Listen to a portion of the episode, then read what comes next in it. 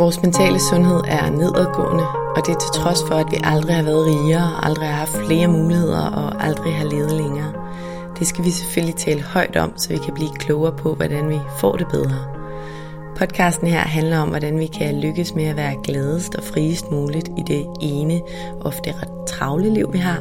Og den handler om, hvordan vi kan lykkes med at være både professionelt ambitiøse og passe på os selv på samme tid. Jeg taler med eksperter og privatpersoner om alt det, der fylder inde i os. Min erfaring er, at når vi taler højt om de ting, så opdager vi, at der er mange andre, der bøvler med de samme ting.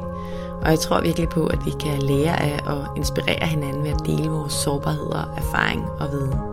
Så velkommen til Vores Mentale Sundhed, en Mindcare Collective podcast.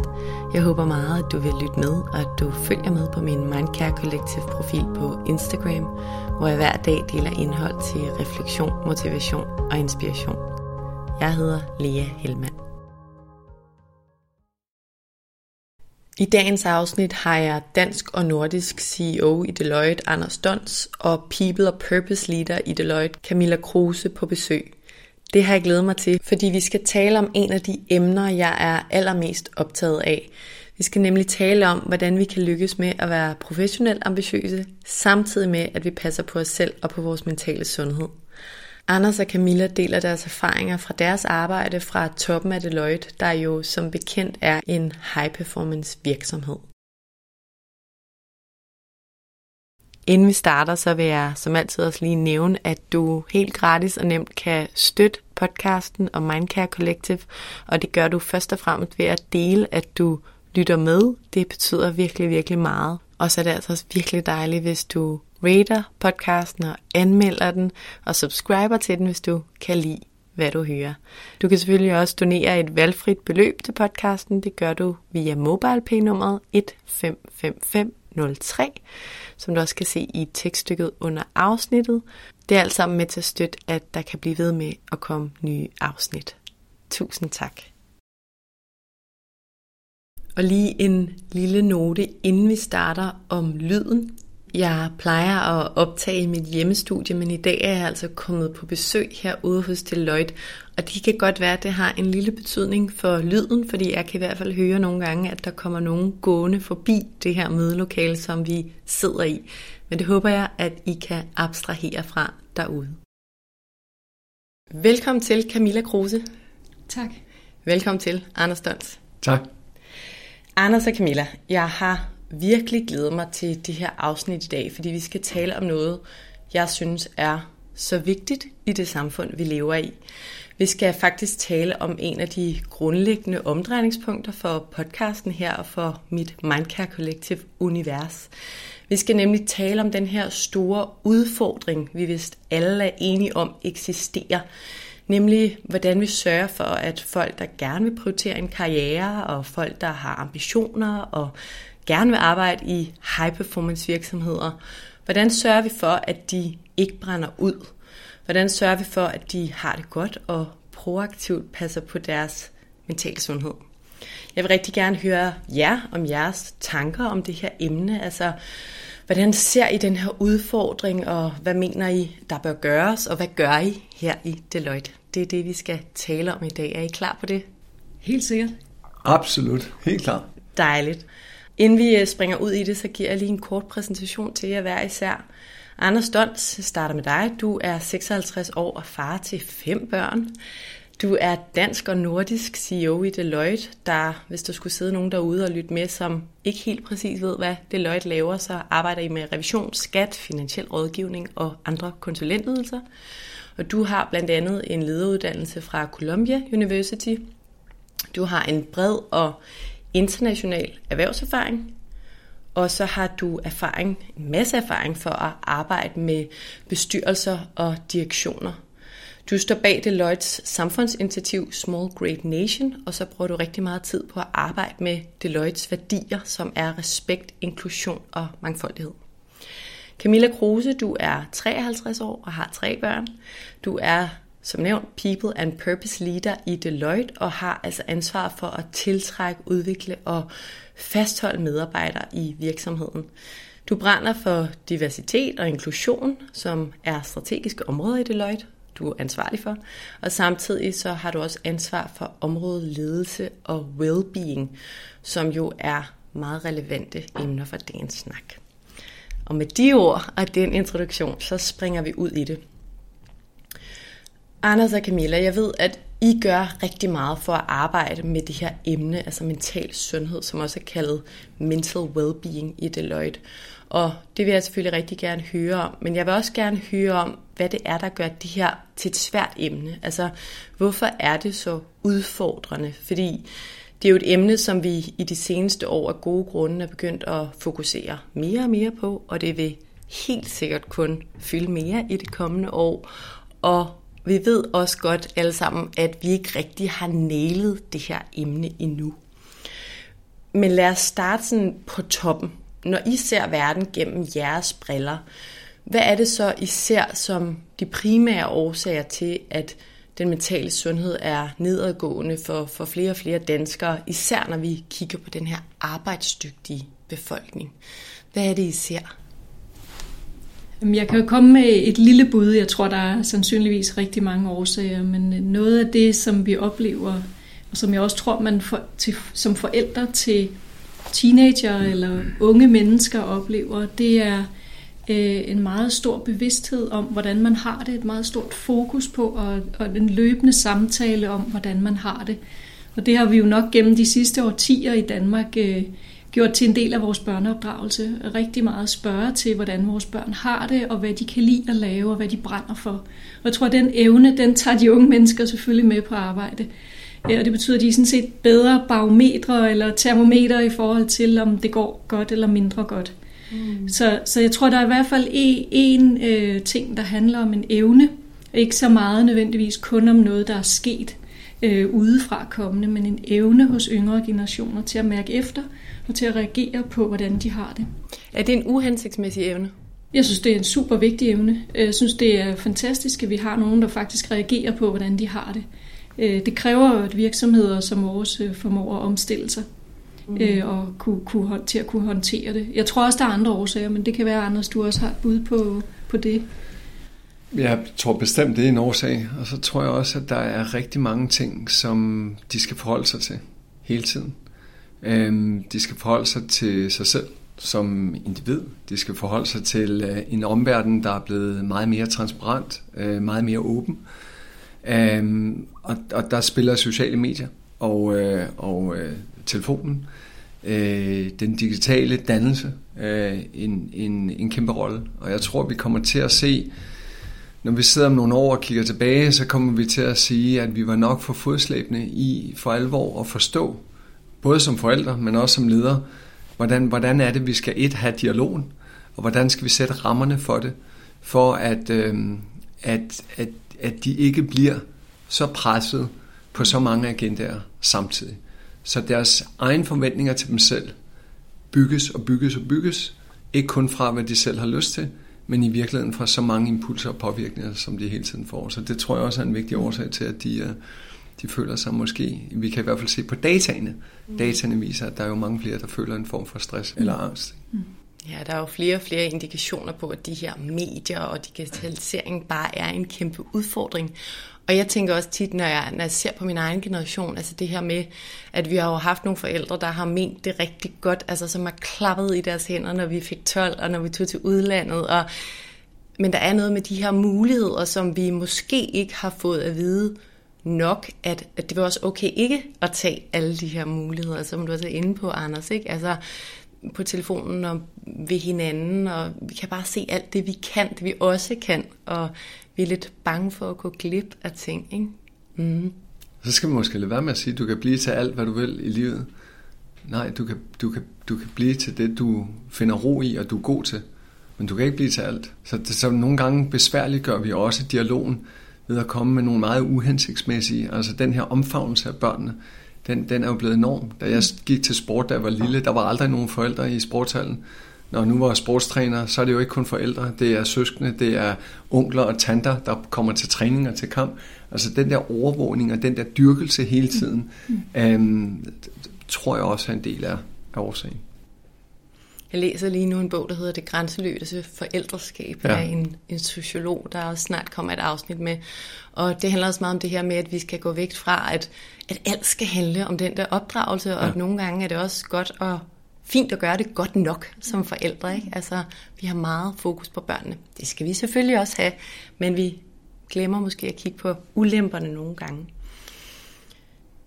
Deloitte er jo, som jeg nævnte i starten, en high performance virksomhed, og jeg har selv arbejdet som managementkonsulent i syv år, som jeg gerne vil starte med at understrege, at jeg også har været rigtig, rigtig glad for. Men der var også nogle ting, som jeg synes var svære, og jeg ved, at der i konsulentbranchen og i advokatbranchen også, de to brancher især, er udfordringer med at ramme den her gode balance mellem high performance og mental sundhed. Og de udfordringer, de er jo selvfølgelig også relevante i andre virksomheder, men jeg synes især, at high performance virksomheder er spændende, fordi det jo på mange måder er dem, som samfundet dikterer som værende særligt succesfulde. Altså vi lever i et samfund, der implicit og eksplicit roser fart og opadstigning og performance og eksekvering og resultater. Hvad er i jeres optik den største udfordring for at sikre den her mentale sundhed, den der well-being, balancen blandt medarbejdere i virksomheder som Deloitte? Jeg tror, hvis jeg skal starte, så tror jeg noget af det, Anders er inde på, i forhold til, hvor meget man skal kunne, og hvor meget man bliver eksponeret for af, af præstationskrav eller muligheder gennem de sociale medier, og, og hele den måde, vi tale sætter øh, muligheder på tror jeg er kraftigt medvirkende. Så kan man sige, når man kommer ind hos os, øh, vi har jo rigtig mange nyuddannede medarbejdere, der starter, som har høje forventninger til sig selv øh, og til deres omgivelser, og det handler både om, at man skal præstere, og man skal måske have en, øh, en evidens for at være dygtig, som skal vise sig i, at, at man bliver hurtigt forfremmet til næste niveau, Øh, det skal man kunne gå hjem og vise i familien, man skal kunne fortælle sin kæreste om det, så man bygger videre på et, et forventningspres. Og så har man måske også nogle indre forventninger til, at ved siden af jobbet skal man så også excellere i noget. Øh, og, og, og det tror jeg er hele denne her balance mellem arbejde og fritid, øh, hvor man har meget, meget høje krav til sig selv. Og man kan sige, at vi er jo et, øh, vi er jo et high performance øh, miljø, øh, øh, og stiller store krav, øh, giver også rigtig store muligheder. Men vi lægger jo på en eller anden måde, implicit eller eksplicit, op til, at det skal man selv kunne styre. Man skal også selv kunne mærke efter, når man, når man har brug for at skalere ned eller sige nej til den næste spændende opgave. Og det tror jeg er en, en stor udfordring, især hvis man ikke har så meget erfaring på arbejdsmarkedet endnu, og bare har kørt derud af i, i sit studieliv.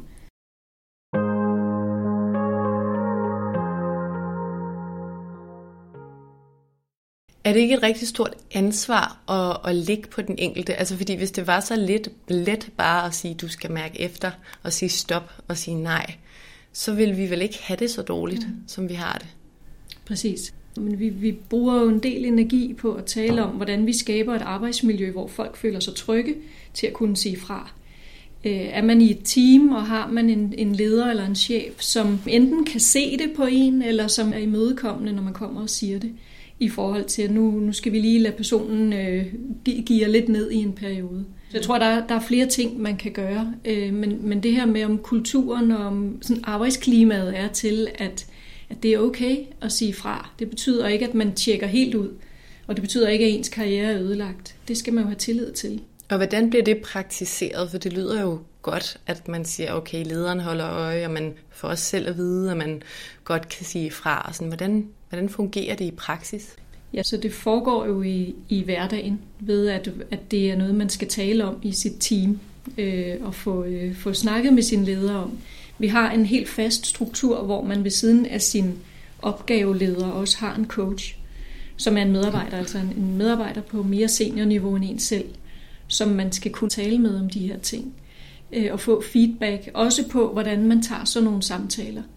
Øh, og så har vi selvfølgelig lederudvikling, der har fokus på det her, så vores ledere er også klædt på. Så vi bevæger os sådan lidt på forskellige planer eller områder i forhold til at søge og gøre organisationen så robust som muligt til både at kunne, kunne hjælpe vores ledere og vores individuelle medarbejdere i det her. Vi kommer lidt tilbage til sådan lavpraktisk, hvad I egentlig gør. Men kan I mærke, at, at det I gør fungerer? Jeg, jeg tror, det her det er en meget stor kulturel forandring faktisk. Jeg tror, at øh, vi, vi er gået fra vi er faktisk gået fra nogle andre generationer og en anden måde at gå på arbejde på og nogle andre forventninger. Og det er lidt som om, at corona og den hjemsendelse, der var, hvor vi sad hjemme, har gjort, at alle, både unge og ældre medarbejdere, har reflekteret over deres liv og hvordan arbejdet skal, skal spille en rolle, og hvor meget det skal spille en rolle. Så, så vi er i gang med at eskalere nogle indsatser i forhold til at gøre det til et, et trygt og ambitiøst sted at være øh, fortsat. Mm. Øhm. Jeg synes jo, en af de ting, der er, der er positiv ved de, ved de generationer, det er, de er mere bevidste. Så de begynder også at mere tydeligt at gøre opmærksom på, hvad er deres behov. Så eksempelvis med fælles barsel kan vi se nu, at øh, unge mænd i stigende omfang tager, tager barsel. Det er rigtig positivt. Vi kan se i stigende omfang, de stiller krav til, hvad de vil arbejde med. Også hvilken type virksomheder de vil arbejde med. Også nogle, de tager afstand fra. Det kan være geografiske områder af verden, eller det kan være industrier, hvor de ikke vil arbejde. De begynder også at, at være mere tydelige omkring mængden af arbejde, de vil påtage sig på forskellige tidspunkter. Så jeg synes, vi kan begynde at se, at der er en modenhed i forhold til deres awareness i, at der, der er faktisk nogle krav, jeg stiller her. Mm. Og jeg forventer, at I som arbejdsgiver kan levere på de krav. Det vil nogen oversætte til, at det er den mere forkælede generation, der kommer. Jeg synes, det er super stærkt, at de kommer med øh, en bevidsthed om, hvad de gerne vil. Øh, så, så, så når du spørger, altså ser vi, ser vi, jeg synes, vi ser en, en forbedring. Giver det sig så resultat i lavere stress og lavere angst? Det kan vi komme tilbage til. Men i hvert fald synes jeg, at den generation skal have ros for, at de er super dygtige, og de, de er faktisk meget mere modne end tidligere generationer i forhold til at tage dialogen. Men jeg, jeg synes bare, det er vigtigt også at have de positive briller på i forhold til de forandringer, vi trods alt ser.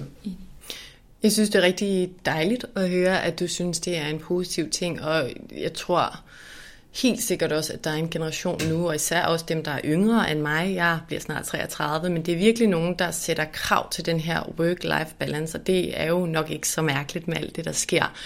Jeg har også nogle gange hørt nogen, som du hentyder til, Anders, især i jeres generation, sige, at, øhm, at folk er ja, lidt forkælet, eller måske har for høje krav til alt fra løn og fleksibilitet og muligheder i arbejdslivet.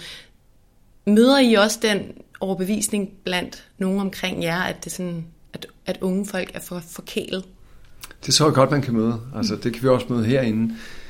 Jeg tror, faktum er bare, at, at de generationer, der er kommet ind nu, og dem, der kommer lige bagefter, de er super kvalificerede. De er meget, meget dygtige, og de er meget, meget bevidste om, hvad de kan bidrage med, og hvad de gerne vil bidrage med.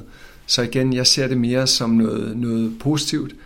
Jeg tror, at den, den dimension, de, de mangler, det er nogle gange lidt selvindsigt i forhold til at åbne op for at få hjælp til at blive udviklet. Mm. Og når, når, når unge kommer hos os, så er det jo ikke kun en faglig udvikling, vi skal have fokus på. Det er også en dannelsesmæssig udvikling. Og jeg tror, vi vil se i de kommende år, at virksomheder som os bliver nødt til at tage et større ansvar i forhold til dannelsen. Den personlige dannelse, og ikke kun den faglige dannelse. Og, og det er måske der, hvor man kan håbe, at vi kan finde øh, ind til en samtale to vinder, og ligesom få åbnet op for nogle af de ømme dialoger, der gør, at man for alvor kan få lov til at hjælpe med at udvikle. Ja, fordi apropos det der med dialog og, og tale om tingene, der synes jeg, det er relevant at nævne det studie, I lavede, eller en stor undersøgelse, I udkom med sidste år omkring generation Z og millennials. Og Millennials, som er folk født fra 1980'erne til slut 90'erne, er, synes jeg, især spændende her. Først og fremmest, fordi det er især dem, der lytter med til podcasten, men jo også fordi det er dem, der er i fuld gang med deres karriere, men som også stadig forhåbentlig har rigtig, rigtig mange år tilbage på arbejdsmarkedet. Og som I også udtrykker det i studiet, eller i forbindelse med studiet, så er de her to grupper til sammen jo vores fremtid.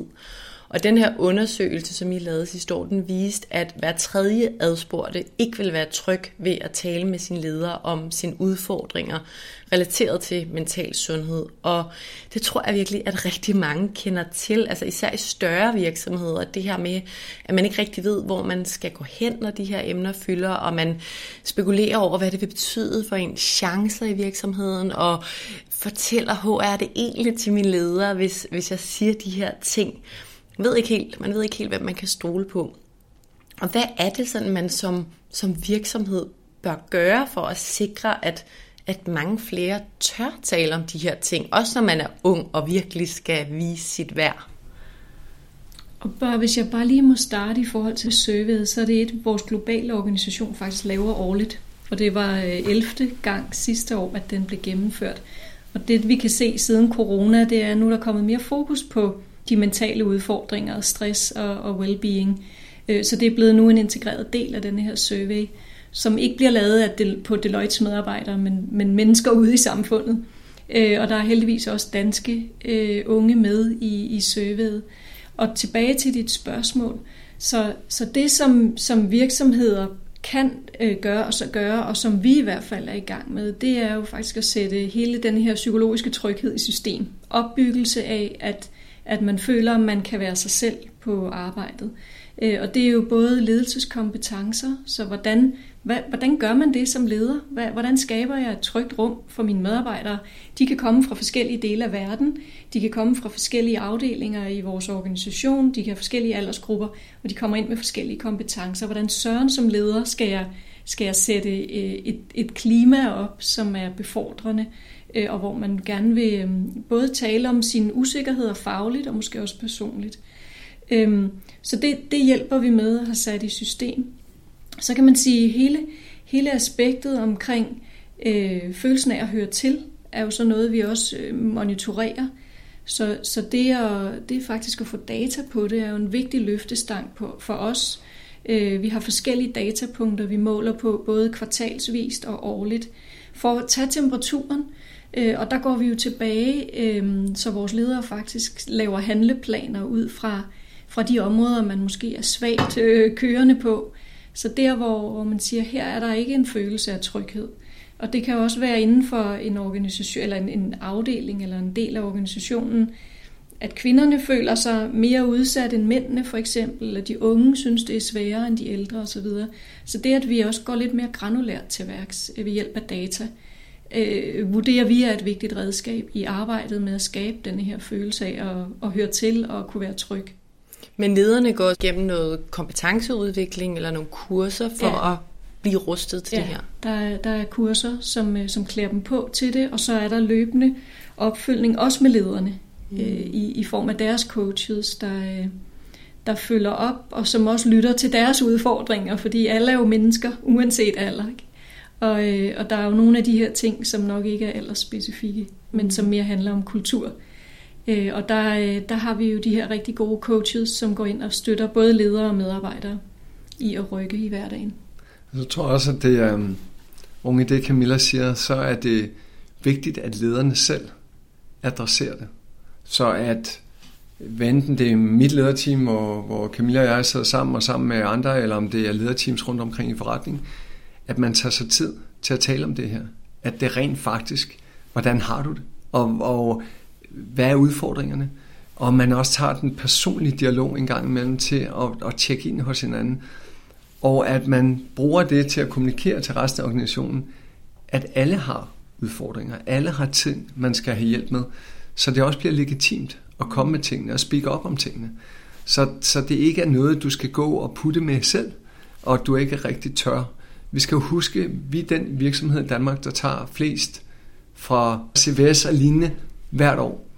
De kommer med øh, super dygtige, men de kommer med meget forskellige selvværd og meget forskellige selvtillid. De har måske været igennem en folkeskole og forældre og lærere, hvor de aldrig har åbnet op for de her ting. De har nu været igennem en CBS, hvor de aldrig har åbnet op for de her ting. Og måske de heller ikke har haft særlig mange nederlag, de har måske haft bekymringer. Så vi får jo en ret stor, ung gruppe af mennesker hvert år, hvor vi i virkeligheden ser det mere og mere som vores ansvar, som jeg sagde før, at der er også en dannelse i at være her. Og den dannelse går også ud på, at du bliver nødt til at kunne føle efter, hvordan du har det som et menneske.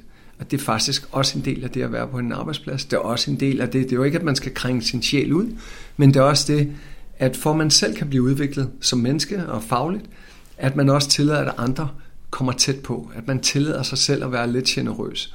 Og det der med generøsiteten øh, i forhold til sin egen udvikling, det er jo super centralt i det her. Sårbarheden. Ja. Handler det også om, at lederne skal vise deres sårbarhed? Mm. Altså du siger, man behøver måske ikke trænge sig ud, men... Nej, men det, det skal de. Det skal jeg, det skal Camilla, det skal... Og det synes jeg faktisk, vores ledere i udbredt grad er blevet meget mere komfortabel med. Og, og fortæl, hvordan de har det. Og øh, hvis der har været hårde perioder, eller ting, der sker, eller man er udsat for noget stress, øh, øhm, at man, man kan dele det, og, og mest af alt også dele, hvad man gør ved det. Så jeg, jeg tror bestemt, det er en del af ligningen, det er, at man er mere åben i den dialog. Og bringer sig selv at spil. Helt, helt enig. Og så kan man sige, at vi er jo en meget gammel virksomhed. Vi er jo over 100 år gamle i, i Danmark. Øhm, så, så det er også at ændre på det. Altså det er jo en kultur, man ligesom har nedarvet, at, at lederen var den, der vidste bedst og fortalte folk, hvad de skulle gøre. Og det, at vi som ledere øh, også rækker ud til de unge og siger, du er frisk fra studiet, kan du ikke hjælpe mig med, hvordan vi skal gribe det her an? Fordi jeg er faktisk i tvivl, og jeg er usikker på, om vi er ved at gøre det, det rigtige eller det forkerte. Det, det åbner jo også for, at man føler sig både inddraget, og man føler sig værdsat, øh, og, at, og at lederen ikke skal have svar på det hele, men netop viser øh, personlighed og sårbarhed. Vi har etableret rundt omkring i organisationen Young Advisory Boards, kalder vi dem. Mm. Det har vi gjort i vores forretningsdivisioner, og vi har gjort det på kryds og tværs. Og nogle af de temaer, vi tager med dem, det er jo også det her. Det er i forhold til inklusion, det er i forhold til psykologisk tryghed, så, så, som Camilla er inde på, men organisationen lidt på hovedet, og få dem også til at forstå, at de er faktisk med til at skabe kulturen og miljøet herinde. Det, det er ikke noget, vi kun skaber fra toppen. Det er noget, de er med til at skabe, og i den grad med til at præge. Og det blev taget super godt imod, mm at, at de rent faktisk er med i en række processer, også med til at shape nogle af de beslutninger, vi så træffer. Og det, jeg hører meget, det er den der anerkendelse af, at vi er ikke perfekte, hverken som ledere eller som medarbejdere. Både når det handler om at finde en løsning, og mm. faktisk anerkende, at vi har ikke 100% løsning endnu, men også det der med at vise personligt, er der også nogle ting, vi, altså vi kæmper alle sammen mm. med noget. Mm.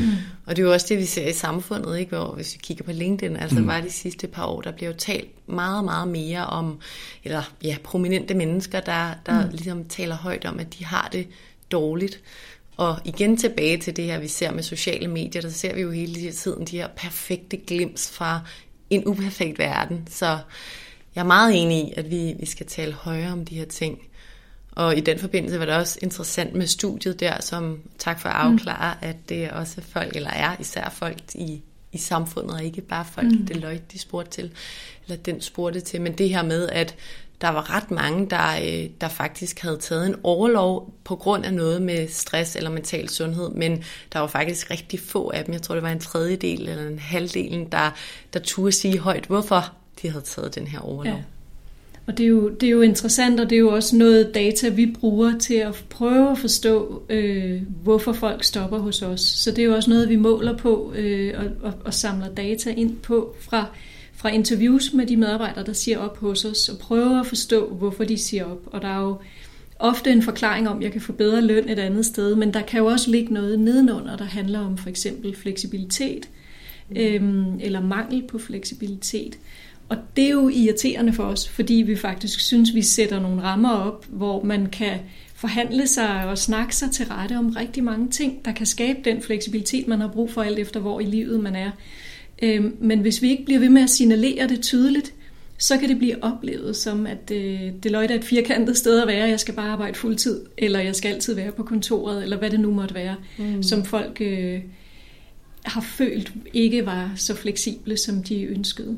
Så vi bruger det rigtig meget, og så bruger vi jo også det at fortælle historier om, om seniorprofilers karriere, øh, at vi for eksempel udnævner øh, partnere, som arbejder på nedsat tid, er jo, er jo en måde at vise, at det er muligt at gøre karriere og komme op i øh, det øverste ledelseslag på en fire-dages arbejdsuge for eksempel.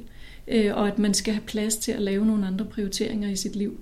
Så, så jeg tror også, at kommunikationen om det, ikke kun for, fra den enkelte leder i, og i teamet, men også fra sådan corporate niveau, øh, at det er ekstremt vigtigt, at vi får nogle af de fortællinger ud. Ja, det er jo ligesom, når man arbejder med alle mulige andre forandringsprojekter i virksomheder, at den der management bare in er bare så afgørende, og man kan ville det nok så meget, men hvis man ikke ser det, så, så tror man bare ikke rigtigt på det. Og når vi lever i en perfekthedskultur, en præstationskultur, så er det bare vigtigt at se, at det også er okay at fejle og være sårbar.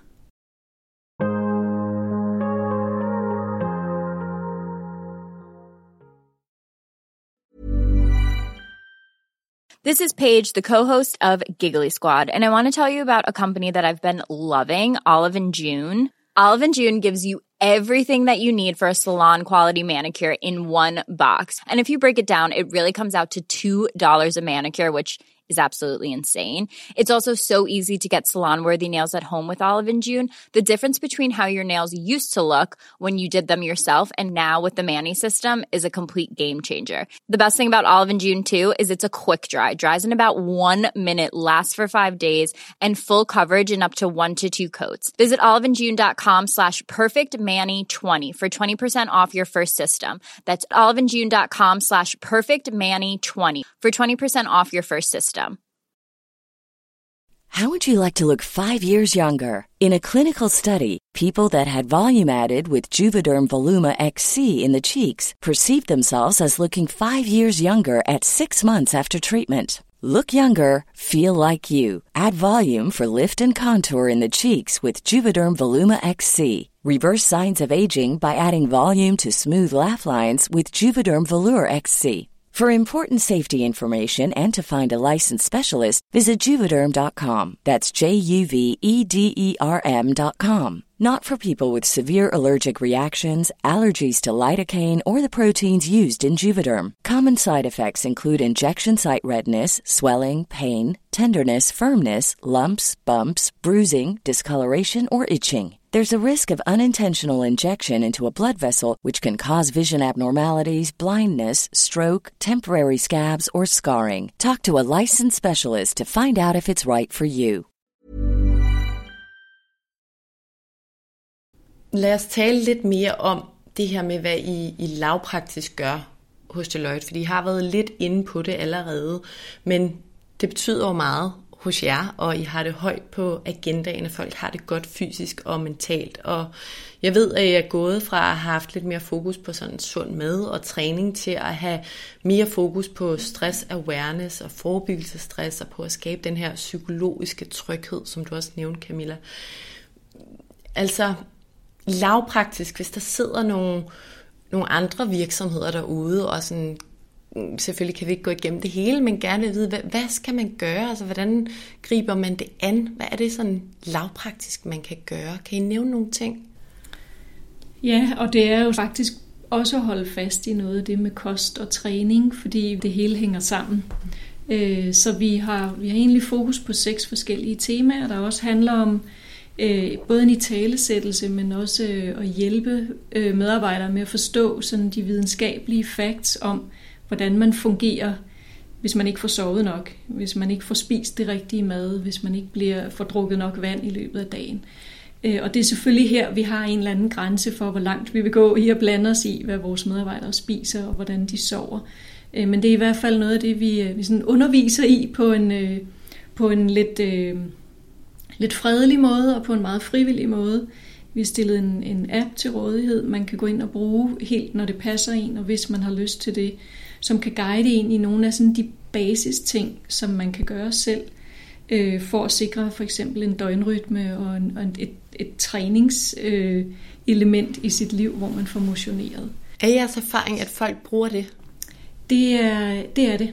Det er det helt klart. Vi bygger det også ind i vores kurser, øh, så vores medarbejdere faktisk får det masseret ind på, på nogle af vores kurser. Og der begynder vi selvfølgelig at koble det med øh, med, med mind-delen, øh, og, og hvordan man kan, kan forebygge stress øh, og det mentale aspekt.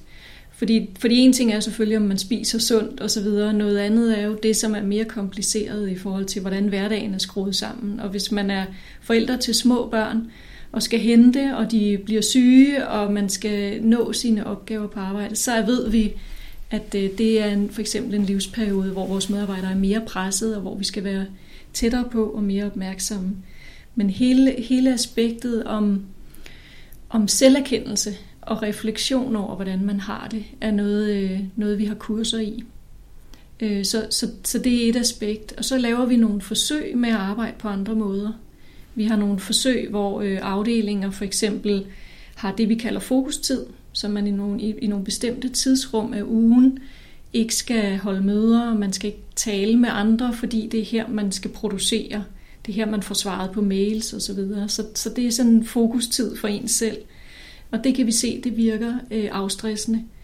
Øh, det øger muligvis også produktiv, produktiviteten. Det er vi ikke færdige med at måle på, men det kan være, det har nogle andre positive effekter også.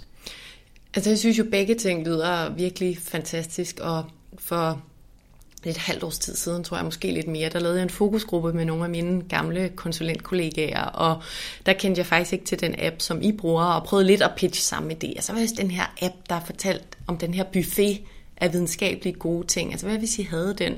Og blandt dem, nu var vi en lille gruppe, men der var de meget sådan, det er fint, den er der, men hvornår skal jeg prioritere den frem for den der kundeopgave, der ligger og presser, som jeg skal faktureres for. Og altså, kan I se mit, mit ja, ikke mit problem, men det jeg ser som problemet, det er det der med, der kan være så mange gode intentioner, men det er bare virkelig op til den enkelte at navigere i det der, og når der bare både er nogen, der betaler rigtig mange penge for, at du er til rådighed, og en partner, der har solgt dig ind, og du skal levere på et eller andet, og en kollega, der forventer noget. Så det, det, er, øhm, det er mange, manges behov, man skal sætte til side for faktisk at lytte til sig selv. Oplever I også den udfordring? Jamen helt sikkert. Jeg tror, hvis vi går fem år frem, så, så vil den her samtale omkring performance og well-being være en helt anden. Øhm, den, den bevidsthedsgørelse, der sker de her dage om, hvordan du bliver nødt til at tage ansvar for dig selv. Som Camilla siger, i forhold til søvn, i forhold til at lære at trække vejret, og i forhold til en lang række andre komponenter.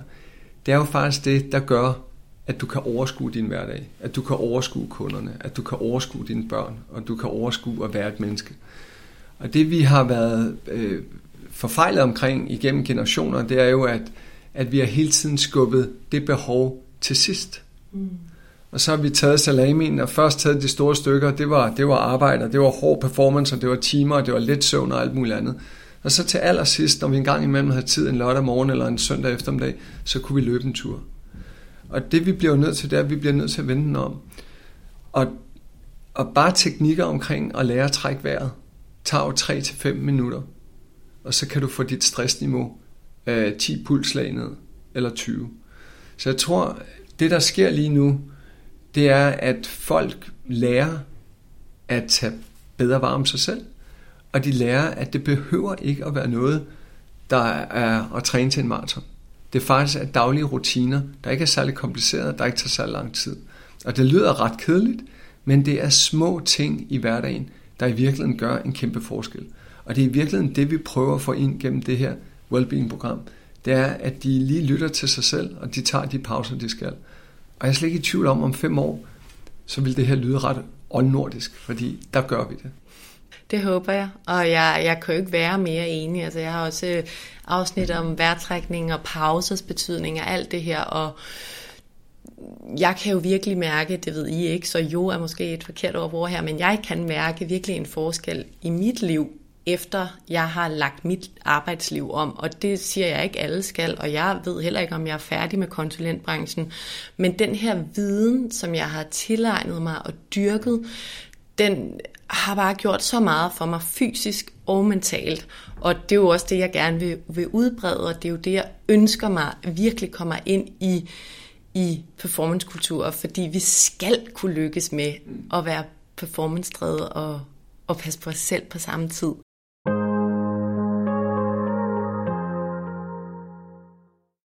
Jeg har lyst til at nævne et lille eksempel, som bare lige tog mig tilbage til, til min konsulenttid, som var for halvanden uges tid siden, da jeg sendte, sendte det her spørgeark til jer, som jeg altid gør inden, og så skrev jeg det her spørgsmål med, hvor mange børn I havde, for det ville jeg gerne lige have med til introduktionen.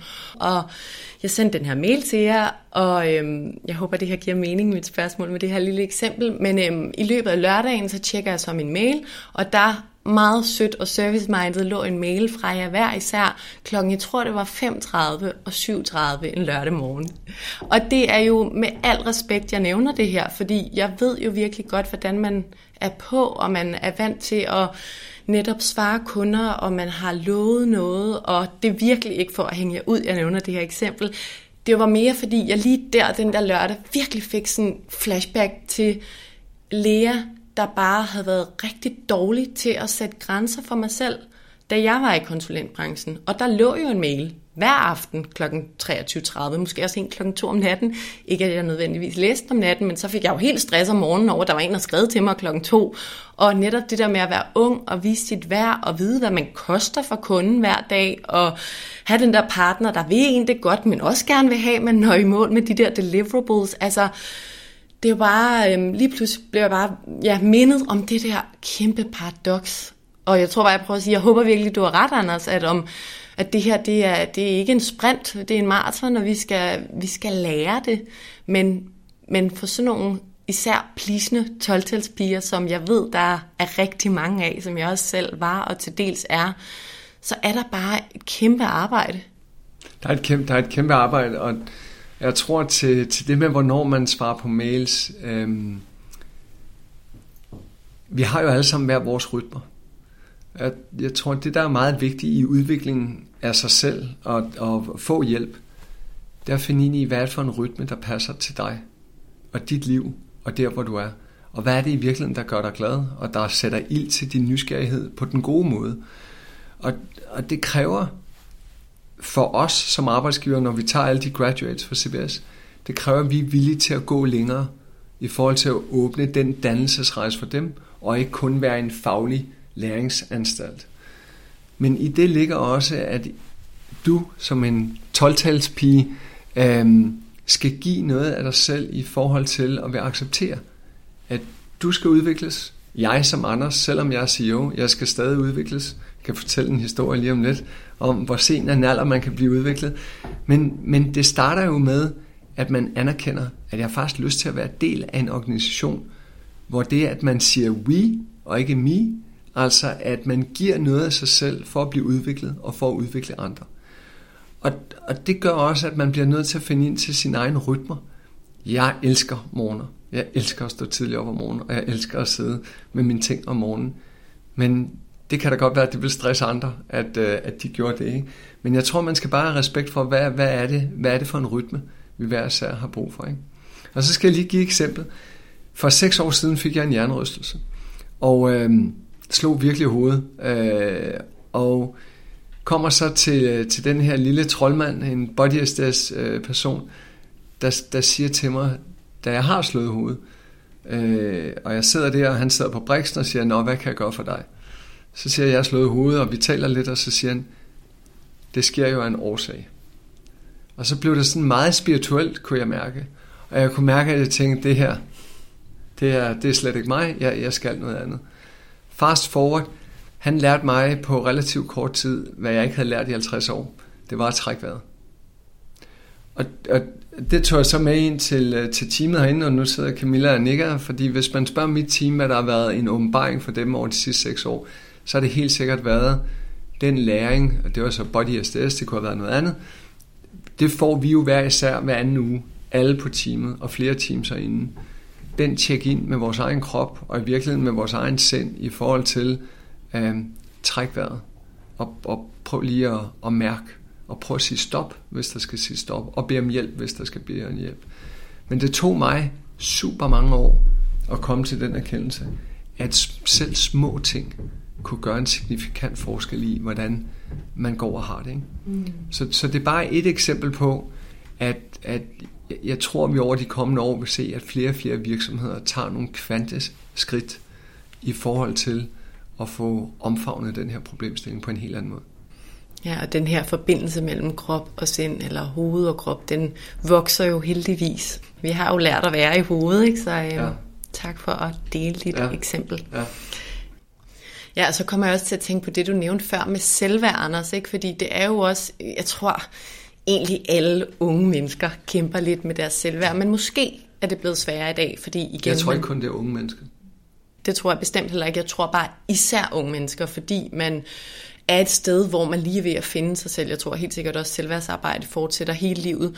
Men der er bare noget med også at, at anerkende, at det er også et selvværdsarbejde, altså fordi vi ikke kun er vores præstationer, og det bliver vi jo en lille smule skolet til at tro, fordi det er de her karakterer, der betyder alt, og vi bliver målt og varet siden vi er seks år. Så, så det her med også faktisk at forstå, det handler også om ens selvværd, og, og lære at hvile i, at man er okay, også når man ikke præsterer, så er du også noget værd som menneske. Og, øhm, og jeg er helt enig i, det tror jeg også er en, en rejse, der fortsætter. Jeg synes bare, det er virkelig vigtigt. Og det er meget, meget vigtigt, og man kan jo sige, når man tager en dialog med nogle af de unge mennesker, så hvis man prøver at spørge om, hvad er dine non-negotiables? Hvor er det, dine grænser går? Så er der jo mange af dem på sådan et spørgsmål, hvor man kunne sige, hvis du er 25 år, når du kommer her, du har været igennem folkeskole, du har været igennem gymnasiet, du har været igennem CBS eller noget andet, du har haft dine forældre, du har haft andet, så skulle man gerne være ved at være der, hvor man kunne svare på, hvor går ens grænser. Det er der jo rigtig mange, der ikke kan svare på. De kan ikke tydeligt svare på, hvor går mine grænser, hvor er mine grundlæggende værdier i forhold til at passe på mig selv. Og, og det går lidt tilbage til det, jeg sagde før. Det, det synes jeg var ret interessant. Det er også lidt trist, Øh, og det kan være, at det sådan livet nogle gange er, at, at, at man modnes sent. Men jo mere jeg har konstateret det, jo mere er jeg bare overbevist om, at vores ansvar i forhold til dannelsesrejsen, den kan vi ikke løbe fra. Og det tror jeg som arbejdsgiver, man skal gøre op med sig selv. Og der, som Camilla sagde, der går jo en grænse for privatsfæren og arbejdsfæren, og, og det kan blive kompliceret. Men jeg tror, man skal, være, man skal ikke være bange for at, at ligesom læne sig længere ind i at påvirke den dannelsesrejse, og være I med til at sætte de, udvikle de værdier, der gør, at personer kan passe på sig selv. Og det er jo sådan set det, der er selvværd. Det er, at du har et grundlæggende værdisæt, der gør, at du, du, du, du kan trives i den, du er, og du kan sætte grænserne og rammerne for, for det, du gerne vil. Ikke? Men det er der mange, der er svært ved. Så hvis vi skal tilbage til det der med, hvad det enkelte menneske kan gøre for faktisk at passe på sig selv i det her, hvor der er virkelig mange krav, og man måske er blevet skolet til at være en pleaser og være meget pligtopfyldende, så er det at give noget af sig selv, være villig til det, og være en del af noget, og være villig til at vise noget sårbarhed, og være på den her dannelsesrejse. Er det? Ja, det tror jeg, og så, så lyt til dig selv. Og lad være at gøre noget, du ikke har lyst til. Sæt, sæt grænser for dig selv. Mm. Altså hvis, så simpelt som at skrive ned på et stykke papir, hvad er det faktisk, der gør, at jeg ikke er glad? Hvad er det, der gør, at jeg får lidt angst eller bliver stresset? Og så begynder at lade være at gøre det. Lad være at acceptere det. Og hvis det er en arbejdsplads, hvor kulturen er dårlig, øh, eller det psykologiske arbejdsklima ikke er god, så find en anden arbejdsplads. Hvis du ikke kan være med til at... Altså lad være at acceptere, at der er ting, der bliver ved at komme tilbage i din hverdag, som ikke gør dig glad det er et ret godt og ret lavpraktisk sted at starte. Og så måske speak up. Altså tag den, inden du bliver så træt af dit job, yes. fordi du ikke får gjort de ting, som Anders taler om. Så tag dialogen med din leder, eller med en, som du har tillid til. Altså, fordi det er jo også noget med, lad os lige udforske og udfordre grænserne for, hvad jeg tror, der er muligt på det her, øh, den her arbejdsplads. Hvis jeg ellers er glad for at være her, synes jeg har nogle spændende muligheder, hvor langt kan jeg så presse den dybest set? Altså, hvad kan lade sig gøre? Vi siger sjældent nej, når folk kommer og spørger. Og det er en super god pointe, for der er jo også den risiko. Dels vil vi gerne have, at de er med til at udvikle øh, øh, vores kultur, men der er også risikoen, at hvis de ikke gør det, så flytter aben med. Præcis. Øhm, det er rigtigt. Jeg havde faktisk en, øh, en medarbejder, der, der gik ned og var sygemeldt i ret lang tid med stress. Øh, han blev filmet til TV2 for et års tid siden, og hans historie var rigtig meget, at der faktisk var folk omkring ham herinde, som havde sagt, skal du ikke skrue lidt ned? Og han blev ved med at sige, jeg har det fint, det er bare lige denne her periode, eller det er bare fordi de små børn derhjemme ikke sover om natten, og jeg er lige blevet forfremmet, så det er bare lige et pres, jeg lige skal finde ud af at jonglere med. Så han sagde nej, og han lukkede lidt øjnene for sine egne signaler. Øh, så, så der er jo også noget erkendelse i, øh, får jeg lyttet i tide, øh, og også til, hvad andre siger, men i høj grad til mig selv. Ja, så den der proaktivitet, som du også er inde på her, som jo er en stor del af det. Ikke? Mm. Altså, der er så mange, der først finder ud af, at de skal tage deres mentale sundhed og fysiske, fysiske sundhed alvorligt, når det er så sent, og det skal vi jo virkelig ændre ved at tale højt om det og normalisere det meget, meget mere. Har I selv på noget tidspunkt, Anders og Camilla, været stresset eller presset på en måde, hvor I kunne mærke, at, at det ikke var hensigtsmæssigt for jeres, for jeres sundhed? Og, og hvis ja, hvad gjorde I så i den situation? Ja, jeg har i hvert fald prøvet det. Jamen, hvad, hvad gør man? Faktisk tilbage til det, vi talte om før. Man, øh, man prøver lige at trække vejret. Og, øh, og finde frem til, hvad er det i virkeligheden, der, der skyldes? Er det noget, er det noget, du ved, noget midlertidigt? Eller er det noget, der kan blive permanent, hvis du ikke får gjort noget ved det? Og så arbejde med det øh, på, øh, på den måde. Øh, sådan helt, øh, helt lavpraktisk. Få sorteret nogle ting fra og få lagt nogle ting til af det, som, øh, som giver dig energi og lader, lader batterierne op. Ikke? Øhm, så jeg tror, det, det er sådan lavpraktisk, hvad, hvad jeg har gjort. Træk vejret.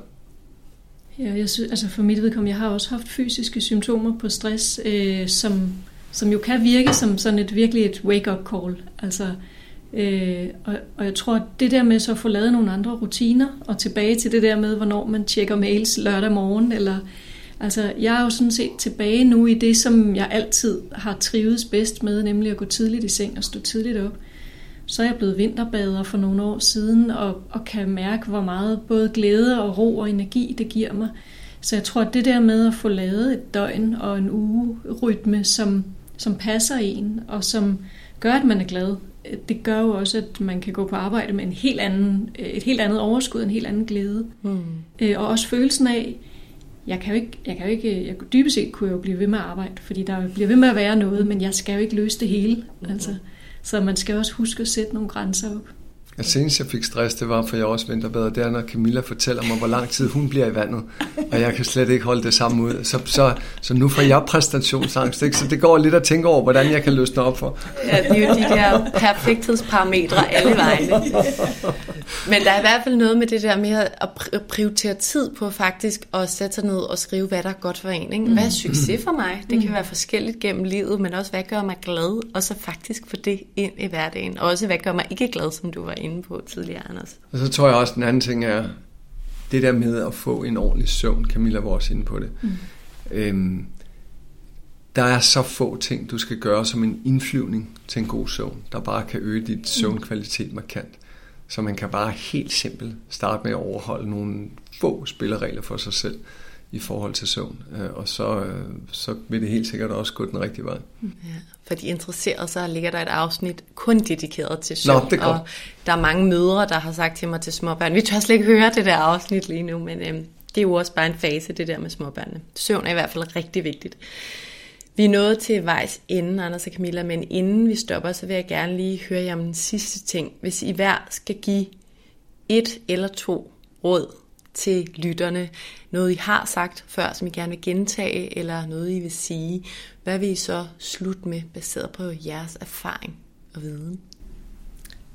Jeg tror altså, det hænger måske sammen, måske er det to ting, mm. men mærk efter, og så øh, have modet til at at bede om de ting, du drømmer om.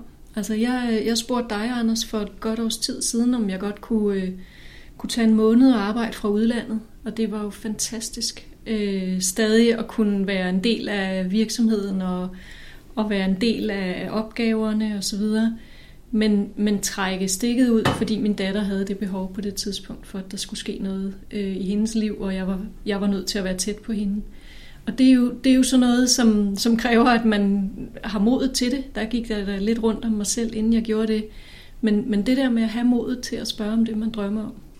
Jeg er meget enig i det, godt råd. Øhm, jeg vil, hvis jeg skulle supplere Camilla, så vil jeg nok sige, at husk, at, at øh, livet forhåbentlig er langt. Øhm, men du skal være i nuet.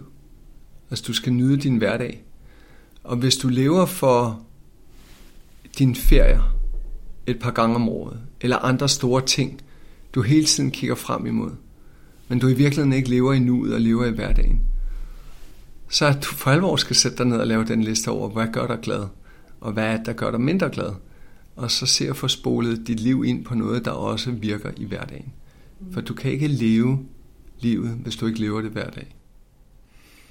Det aller sidste spørgsmål på falderæbet, der jeg har lyst til at spørge om, det spørger jeg ikke altid om, men lidt i tråd med det, du siger der, Anders.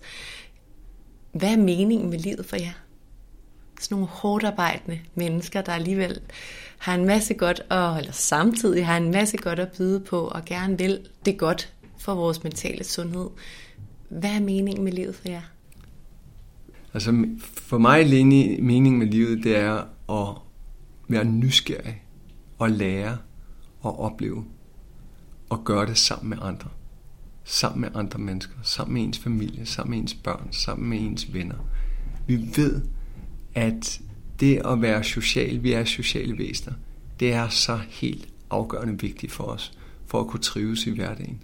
Så for mig, det er samværet med andre mennesker, og så koble sig sammen med at suge til sig af alt det, som livet kan give. Så vær nysgerrig. Altså, jeg havde egentlig uddannet mig til at gøre en forskel for fattige unge kvinder i det østlige Afrika, og det var der, jeg startede min karriere. Øhm, så det var sådan med at gøre, noget med at gøre en forskel og hjælpe nogen. Øhm, og det tror jeg, jeg har indset eller fundet ud af gennem min karriere, at det kan man også gøre på andre måder. Så i dag er det selvfølgelig at være med til at gøre Deloitte til et endnu bedre sted at være, men det er også at have det sjovt og meningsfuldt, mens jeg gør det. Øh, og det handler også om balancen i min, i min privatsfære. Så det at være noget for min familie øh, og have de gode stunder med mennesker, jeg elsker. Tusind tak for at dele begge to, og tak fordi I vil være med i dag, Anders og Camilla. Jeg er så glad for, at I havde lyst til det, og lyst til at belyse det her meget, meget vigtige og meget aktuelle emne. Tak fordi I vil dele ud af jeres viden, erfaring og holdninger. Tak fordi I kom. Tusind tak. Det var hyggeligt og sjovt og spændende at være med. Ja, mange tak.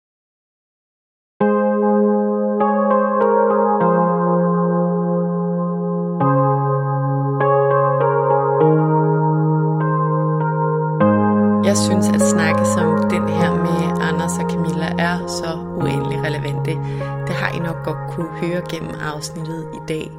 Men det er så vigtigt, fordi den her udfordring mellem at finde balancen mellem at være ambitiøs og passe på sig selv på samme tid, den er svær.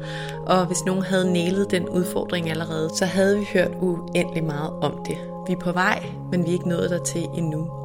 Det er en rejse, og vi som individer og virksomheder må sammen gøre en aktiv indsats for, at vi kan lykkes med at nå derhen. Derhen i målet, hvor vi kan gøre begge ting på samme tid. Men det skal lykkes, og jeg håber, at andre virksomheder vil prioritere den her udfordring lige så meget, som Anders og Camilla gør. Vi skal tale højt om tingene, vi skal turde vise vores sårbarheder, både som ledere, chefer og som medarbejdere. Vi skal anerkende, at vi ikke er perfekte og fejlfri. Vi skal holde pauser. Vi skal trække vejret helt ned i maven. Vi skal prioritere vores søvn. Vi skal arbejde med vores selvværd formentlig hele livet. Og husk, at vi er noget værd som mennesker, også når vi ikke præsterer. Vi skal også prioritere tid til at definere, hvad succes er i vores eget liv. Det er noget, jeg har talt om tit. Og den der succesdefinition, den kan altså godt ændre sig gennem livets faser. Vi skal definere for os selv, hvad der gør os glade, og hvor vores grænser går til. Vi har aldrig rigtig lært at bruge tid på at definere de her ting. Men det skal vi altså gøre. Og så skal vi gøre os umage for at leve efter de ting, mål og grænser, vi har defineret for os selv. Hver dag. Tusind tak, fordi du lyttede med i dag. Hvis du kunne lide det, du hørte, så husk, at du nemt og gratis kan støtte podcasten ved at dele, at du lytter med på sociale medier. Husk at tag Mindcare Collective. Det betyder helt vildt meget. Og hvis du kan lide podcasten, så kan du også støtte ved at rate og anmelde den i din podcast-app, og ved at trykke på subscribe-knappen. Så ved du også altid, hvornår der kommer et nyt afsnit. Det er alt sammen med til at støtte, at jeg kan blive ved med at lave nye afsnit af vores mentale sundhed. Som det sidste vil jeg også bare som altid nævne, at du selvfølgelig er velkommen til at række ud, hvis du har noget på hjerte, eller hvis du har nogle særlige emner, du godt kunne tænke dig at få belyst i podcasten. Jeg er altid åben over for input og feedback. Du kan kontakte mig via min Instagram-profil Mindcare Collective, hvor jeg øvrigt håber, at du følger med. Eller du kan skrive til mig via min hjemmeside mindcarecollective.com. Tak fordi du lyttede med.